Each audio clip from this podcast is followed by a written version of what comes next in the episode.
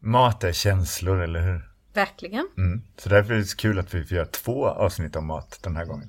Ja, precis. Eller om matsvinn i alla fall. Vi ska ju snacka det igen. Eh, Förra avsnittet så snackade vi om matsvinn utifrån ett annat perspektiv än, än idag. Vilket då? Från hushållen.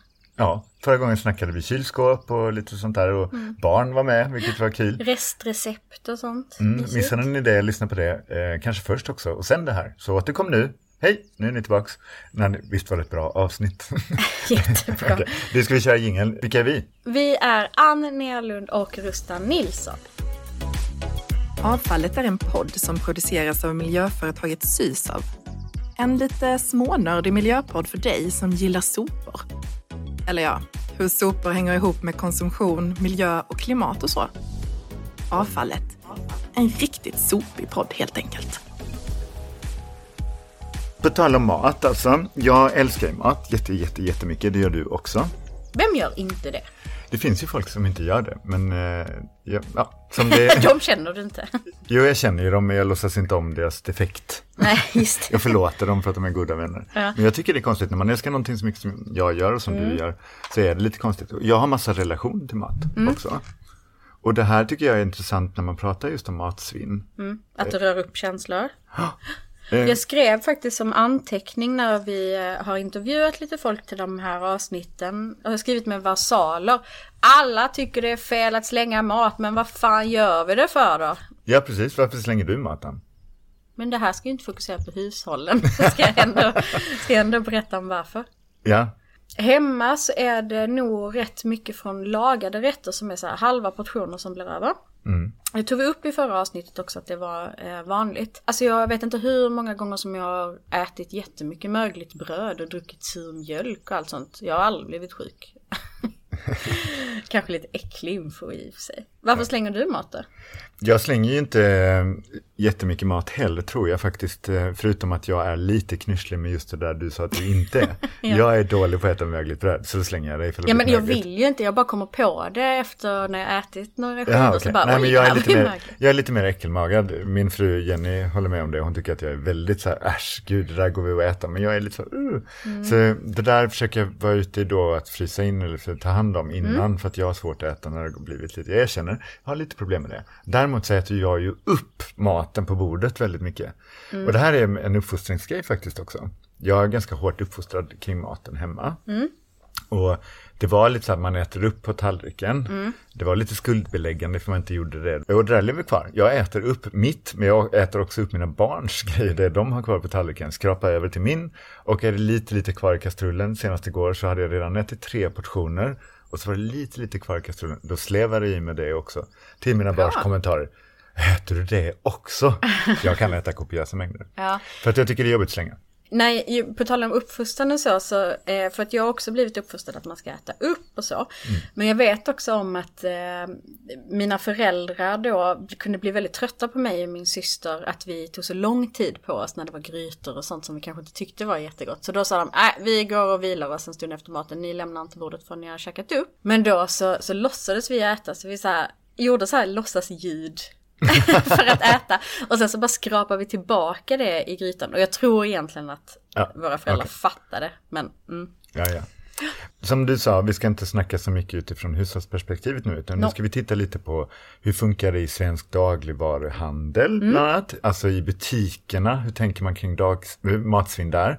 Där kände jag att jag inte kunde jättemycket, så att jag ringde ju faktiskt upp och snackade med hållbarhetsansvarige Filip Ekander på Svensk dagligvaruhandel. Ja. Som vi kommer citera här säkert några gånger under den här, det här poddavsnittet. För han lärde- kan, du, kan du inte bara snabbt också då berätta, vad är svensk dagligvaruhandel? Vad innebär det? Jo, det här är de största aktörerna såsom eh, Axfood som har Willys bland annat. Mm. Det är Citygross, det är Lidl, det är Ica, det är Coop. De har gått här- ihop. De har gått ihop och har då svensk dagligvaruhandel ihop. Och de jobbar då med frågor som är överskridande för alla som de liksom ser att det finns anledning att jobba gemensamt kring. Och då är hållbarhet verkligen en stor grej de jobbar mycket med. Som du sa, ingen ville slänga mat och inte de heller, men det uppstår ju massa matsvinn där också. Men innan vi snackar mer om det, så vill jag också att vi ska snacka lite med kockar i det här programmet va? Eller? Ja, Vi har, vi har med oss en hel del kockar. ja, många kockar, bättre poddsoppa. ja, så som vi brukar säga.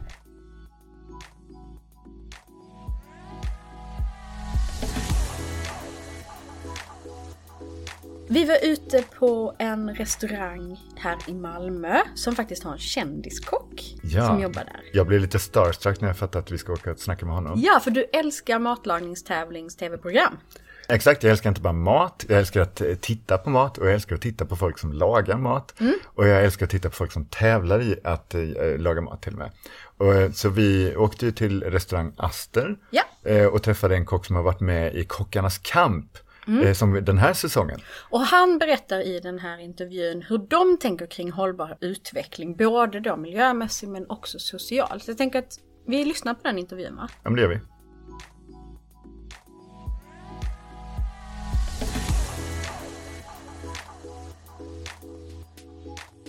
Jag sitter just nu på restaurang Aster i Malmö och restaurangen är stängd för att det är måndag. Och med mig så har jag Shahin Erdal som är kock. Hej Shahin! Hej! Hur tänker du kring begreppet miljömässig hållbarhet och då i din bransch? Mm, miljömässig hållbarhet så tänker jag först och främst på kreativiteten när det kommer till matlagning och menyskrivning.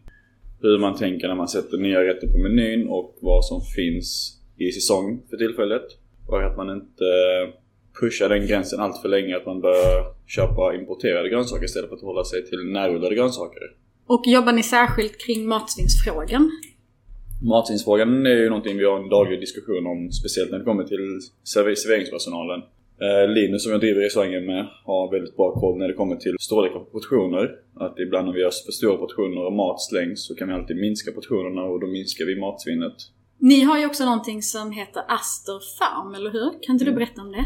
Farmen som vi har, Aster Farm, drivs av Hanna på heltid. Och tanken är inte att vi ska bli självförsörjande när det kommer till farmen utan det ska mer vara en rolig grej och stötta oss i vissa råvaror. Allt vi får in därifrån sätter vi på menyn direkt. Och det som vi inte kan använda har vi våra goda vänner Sebastian och Ola på Saltimporten som kan använda det. Så att ingenting slängs där heller. Och skulle det vara så att några lökblast och blad skulle bli dåliga så kan vi alltid bara ha ner det i en fond eller göra en crème eller puré på det.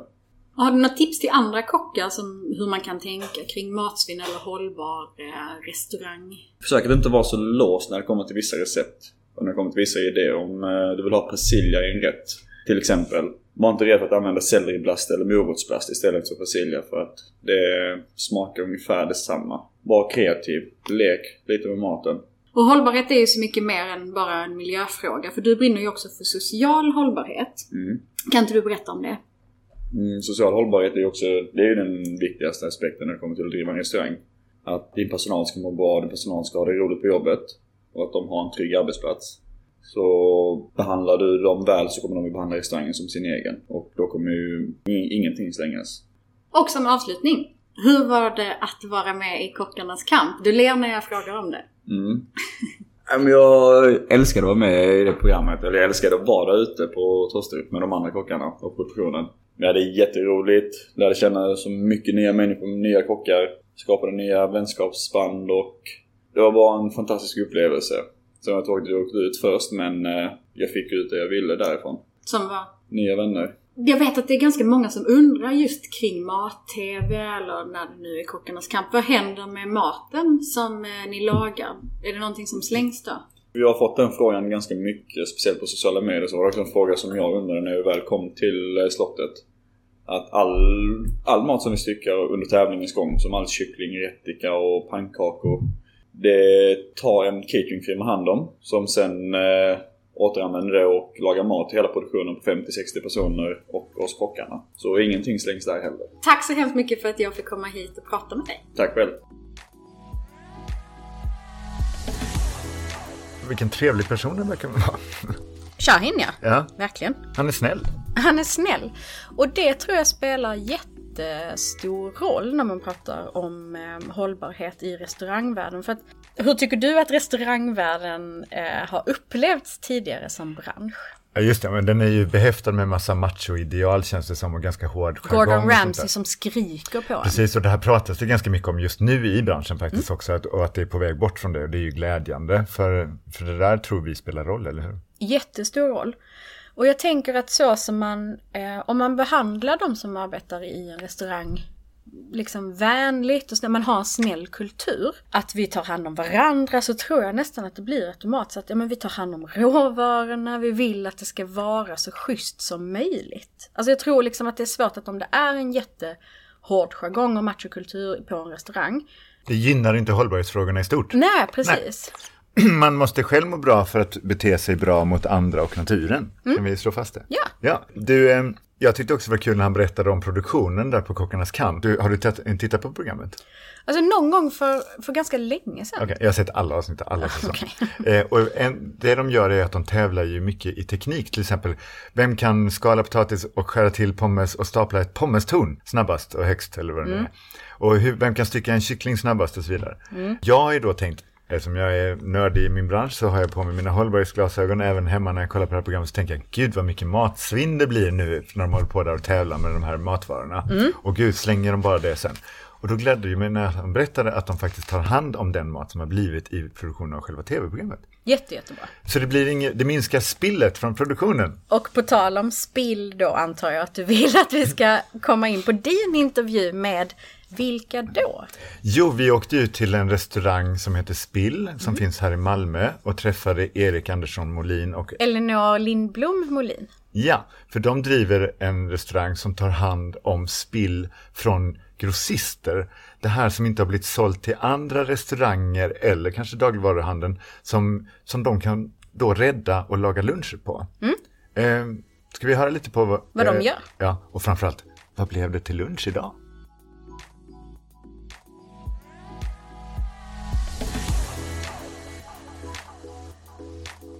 Ja, då sitter vi här på restaurang Spill i Malmö och jag sitter med Erik och Elinor och ni har precis avslutat dagens lunchservering. Vad var det för mat idag Erik? Idag var det kycklinglårfilé med en eh, dragongräddsås och eh, potatismos. Eh, vi hade svamp och lite bönor. Mm, det låter gott. Elinor, de mm. råvarorna som ni använder till att laga den här lunchen idag, var kommer mm. de ifrån? Det är ju från olika grossister runt om i Malmö eh, som vi får stora, eller vi får liksom vagnar med olika grönsaker och kött och sånt. Och så sorterar vi det och så lägger vi in det i kylen och sen så på morgonen så bestämmer vi vad vi kan servera på lunchen. Okej, okay, och det här vet ni inte i förväg så gott som, som många andra restauranger vad ni ska köpa utan det här uppstår, Nej. det här är särskilt med de här råvarorna ändå som skiljer sig från vanliga restauranger, är det inte det? Ja, alltså vi, vi, vi liksom serverar ju det vi får hem i matsvinn. Så att det är ju verkligen inte, vi bestämmer ju inte någonting eh, egentligen. Utan det är råvarorna som bestämmer vad vi ska servera till lunch. För det här är mat som kanske annars skulle ha kastats, är det så Erik?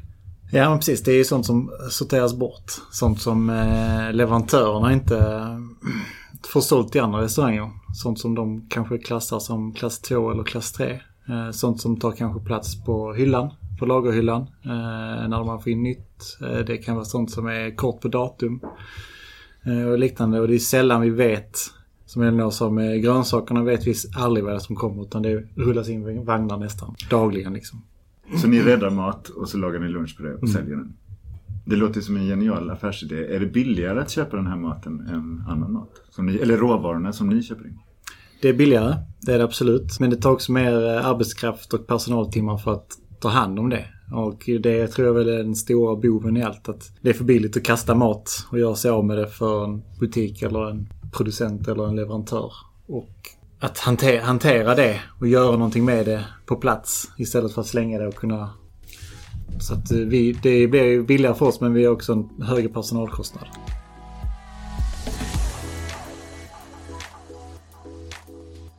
Du och jag har ju ätit på spill flera gånger. Ja, det är jättegod mat. Det är jättegod eh, mat. För att de har ju tidigare faktiskt jobbat både Elinor och Erik på en av Sveriges bästa krogar genom tiderna. Ja, precis. Daniel Berlins krog i Skånestrana som tyvärr nu är stängd. Mm. Men du har käkat där, eller hur?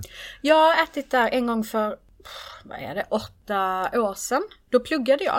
Um, Herregud, hur hade du råd med det? Jo men jag och min sambo beslutade oss för att ja, men vi, vi ville så himla gärna käka där så vi sparade. Och det var en helt eh, otrolig matupplevelse. En av mina bästa. Och då vet jag om att det var faktiskt Elinor som serverade oss och Erik jobbade i köket. Vilket är väldigt roligt. De här vet, de vet inte om att jag var där då. Så den här maten som lagas nu på spill ska ni, kära lyssnare, veta att även ifall det är råvaror råvaror och en och annan skrynklig morot som slinker med, med där nere i recepten så är det högklassig, jättegoda luncher som serveras där man bidrar till ekologisk hållbarhet genom att gå dit och käka. Ja. Kan man tänka sig något bättre? Man är med och räddar världen medan man käkar en tugga i taget. Precis, och när vi var där då pratade ni också om problemet då, varför det uppstår svinn i, från liksom grossister och, och butiker och så vidare. Precis, vi kan höra vidare lite på hur, hur intervjun lät.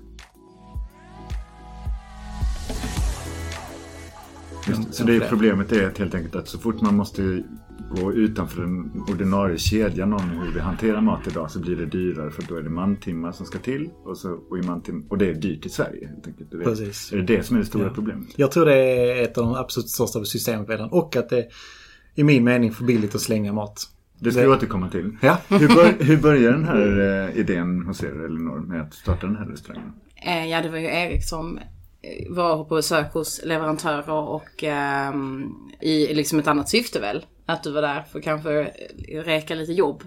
Och sen så kom uh, han in i ett, ett av rummen på det här lagret och där var en massa råvaror som skulle kastas. Och där var födde liksom idén, hur kan det vara på det här sättet? Och vi kom ju från restaurang då som tog vara på verkligen liksom hela råvarorna och det var väldigt mycket tanke kring det. Att man tog vara på allting. Men när du fick se det på det sättet så kände du liksom att det inte riktigt stod rätt till. Vad var det för känslor du fick? Nej men det var Du märklig var känsla. ju ganska tagen. Jag var Alltså, väldigt jag var ja. tagen när jag kom, kom hem och först uh, berättade för Elinor. Sen så det började ju födas en idé för oss så att man liksom vad kan man göra med det? Hur mycket är det? Så vi bokade ju in, eller jag bokade in fler möten med fler leverantörer. Och det var likadant på, på varje plats liksom. Så att eh, det var konstig känsla när man som kock inte vill slänga någon mat. Ingen vill ju slänga mat, det måste ju sägas. Alla vill ju ta hand om allt egentligen. Men, men eh, jag tror eh, eh, som kock där man tänker att varje grönsak eller köttprodukt eller fisk eller fågel eller vad som helst är ju en, en eh, produkt man kanske måste använda för att kunna få kronor in i företaget för att kunna utveckla. När man ser sånt som står då på stora vagnar som ska bara kasseras. Det blir, ja, konstigt. Ja. Och då bestämde ni er för att göra någonting åt det? Eller vad, bidra med en del av lösningen? Ja, precis. Och vi, det är väl också viktigt att vi säger så att vi räddar inte världen och vi kanske inte är en systemlösning. Men vi tar upp ett problem. Och det, det, det tycker jag man vi ska liksom highlighta och säga att vi gör. Att vi lyfter verkligen matsvinnsproblemet. Att det går att göra 260 gäster idag som har gjort på sånt som ska kastas. Och Det känner jag att det är, är någonting som behöver lyftas. Liksom att, Så förutom Att att driva en restaurang så bidrar ni till ökad medvetenhet kring det här problemet? Ja, jag tror att många alltså också beställer lunch hos oss och liksom catering och sånt för att de vet att det är ett miljömedvetet val. Men eh, där vi jobbade förr, där, eller så på liksom alla restauranger, så när man beställer hem eller när man köper någonting i butiken så förväntar man sig att det ska vara eh, bra. Man förväntar sig inte att det ska vara mögligt eller så här. Man måste liksom acceptera att saker och ting inte finns i butiken. Det finns inte 700 olika olivoljor när man går till den avdelningen. Och det- det finns ett för stort urval för att vi ska kunna ta hand om allting. Och det, det är väl också det vi vill belysa. Liksom. Ibland så tar ju lunchen slut här. Och då är det att Ja, men vi känner ingen skam i det utan det är, nej men färsbiffarna ersatts med kyckling eller, eller något så. Och våra gäster är helt fine för de har nog vant sig lite. Eh, men att det blir ingen, eh, för vissa på, när man går på andra restauranger kan ju folk bli så arga liksom. De förväntar sig att man ska kunna beställa en förrätt eller så. Nej, men det här är ju en del av problemet som vi ser att i och med att vi förväntar oss fulla hyllor alltid i dagligvaruhandeln så blir det mycket svinn. Eh, men ifall vi nu ska titta lite på lösningarna då. Vi har, vi har definierat problemen med att det är dyrt med att gå utanför de ordinarie kedjorna när man helt plötsligt ska gå in och liksom lägga tid på att liksom ta hand om spillet eller svinnet som har uppstått. Det är ett problem. Det andra är ju eh, den här förväntan om att allting ska finnas tillgängligt i alla led. Det är inte bara heller, det är också ICA-handlaren som ska beställa från, låt oss säga Arla eller Skånemejerier. Vill ju kunna beställa allting. Och då kan man ju inte säga att ja, men det är slut på grädden nu för vi vill inte ha över grädde. Eh, du nämnde då Erik att det är också för billigt att slänga. Kan du utveckla det? Min powerpoint är inte uppdaterad de senaste två åren. Men när jag föreläste och berättade om detta så tycker jag att det är sjukt att det kan vara så billigt att bli av med mat att, att kasta det helt enkelt. Och, och eh, jag tror jag hade en siffra på 65 öre kilot, att det kostar 650 kronor per ton. Då får ni gå in och rätta mig sen om det nu är så att siffrorna är, är galet. Men för mig så är det liksom orimligt att, att man ska kunna kasta 200 kilo blandfärs för 65 öre kilot. 1000 kronor kilot. Vad hade, man, vad hade hänt det jag hade velat veta är vad som hade hänt. Mm. Hur hade systemet ändrats? Hur hade acceptansen hos gäster, kunder, butiksägare och hela produktionsledet, hur hade vi ändrat vårt sätt att se på mat? Jag, jag hade velat se, det kanske aldrig kommer att ske, men en prisändring eller kanske en eh, matsvinnsskatt. Eller ja, man, det finns smartare människor än mig som kan utveckla det. Men ja, Mm, ja, precis. Ja men vi som avfallsbolag känner ju till den här, det här. Att vi tycker ju också att det egentligen är för billigt att slänga. Vi tar ju betalt för att ta hand om avfallet för att behandla det. Och vi ser ju att vi kan inte styra tillräckligt mycket med prissättning som vi skulle vilja. Eh, låt oss säga att vi vill öka källsorteringen hos våra industrikunder på avfall till exempel. Att de ska sortera själva för då blir det bättre sorterat än för att vi försöker göra det efterhand. Så gör det vi dyrare då lämna blandat. Men vi kan ju inte göra det hur dyrt som helst. För då, Nej. Vi är konkurrensutsatta när det gäller industriavfallet till exempel. Då går de till någon annan aktör. Då kanske det ökar också sannolikheten för fusk i branschen. Att det lönar sig att vända sig till någon mindre nogräknad aktör. Så vi har ju hela den här paradoxen att det förväntas vara väldigt billigt att kasta. Ja. Och jag kan rätta det där direkt med, hur billigt det är att slänga kött. Ja. Det kostar min, mindre än 65 öre kött. Ja, okej. Jag skulle gissa att det ligger på 45 i genomsnitt i Sverige idag. ja det är så pass. Ja. 45 öre att slänga ett kilo kött. Och det här måste ju uppstå naturligtvis då en paradox också för handlaren. Att sänka priset på något som är på väg att gå ut, ett kött, eh, gör ju naturligtvis att den förlorar pengar ju eh, dubbelt om nästan kan man säga. Därför att det gör ju att jag köper den billiga köttbiten istället för den dyra. Och mellanskillnaden då är flera hundra. Men det kostar bara då 45 öre att slänga köttbiten istället. Och sälja en ny dyr köttbit. Det, här, det lönar sig för handlaren. Precis. Att inte sälja mat som är på väg att gå ut. Ja. Det är ju det, det såg jag från början när vi startade spel. Nu är det lite andra prissättningar.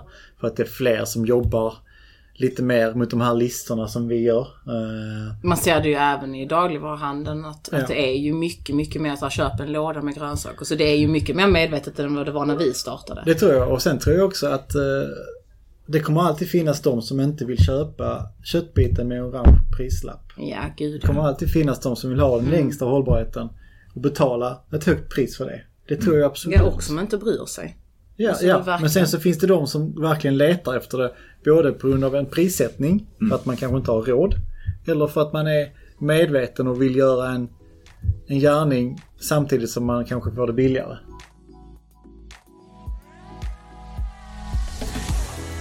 Och sen pratar ni ju såklart att Erik är jury i Resterkocken. Ja, han sitter i juryn i våran kampanj Resterkocken. Och han berättar också varför han gör det. Ska vi höra sista delen? Okej, så lite olika förslag till hur vi helt enkelt ska minska svinnet. Ifall ni vill lyckas ta bort allt matsvinn i grossist och produktionsled, vad ska ni göra då istället? Nej men då kanske vi har en vanlig restaurang. där vi där själva kan sätta menyn. Ja. Men det här är ju, alltså det här är ju jättekreativt och liksom få Har du, gjort det, detta sättet. har du gjort det till bättre kockar, att ni startade det här? Alltså jag tror absolut det är Ni är, kreativt. ju, men ni är ju väldigt lösningsorienterade. Ja men det blir man och det är, det är kreativt och det är kul och det blir lösningsorienterat men man ska också lägga till att det är väl ingen egentligen som vill jobba med när man får in 20 kilo morötter där kanske 7 kilo är ruttet. Där man måste börja sortera. Så det är väl ingen som egentligen vill göra det. Om man nu ska vara krass. Men det blir ett kreativt kök och det blir eh, alla får vara involverade och det blir liksom, ja men det blir en härlig stämning på det sättet. Härligt. Avslutningsvis, Erik, du sitter ju också i juryn till Resterkocken. Eh, varför gör du det? Nej, men jag tror det blir andra året nu som jag är med faktiskt och jag tycker det är kul och inspirerande. Ungdomarna är någonstans ändå framtiden för oss. De är väldigt kreativa för att vara så pass unga. Men eh, jag tycker det är, de, de gör det bra. Det är kul att läsa recepten. Vi får inte, vi får inte smaka dem. Nej. Men eh, det är kul att läsa dem och se dem och eh, höra deras tankar. Ja, det är, jag tycker det är kul att kunna vara med och bidra. Om det är någonting jag kan bidra så, så gör jag gärna det. Kul. Eh, stort tack för att vi fick komma hit och hälsa på er Tack så mycket.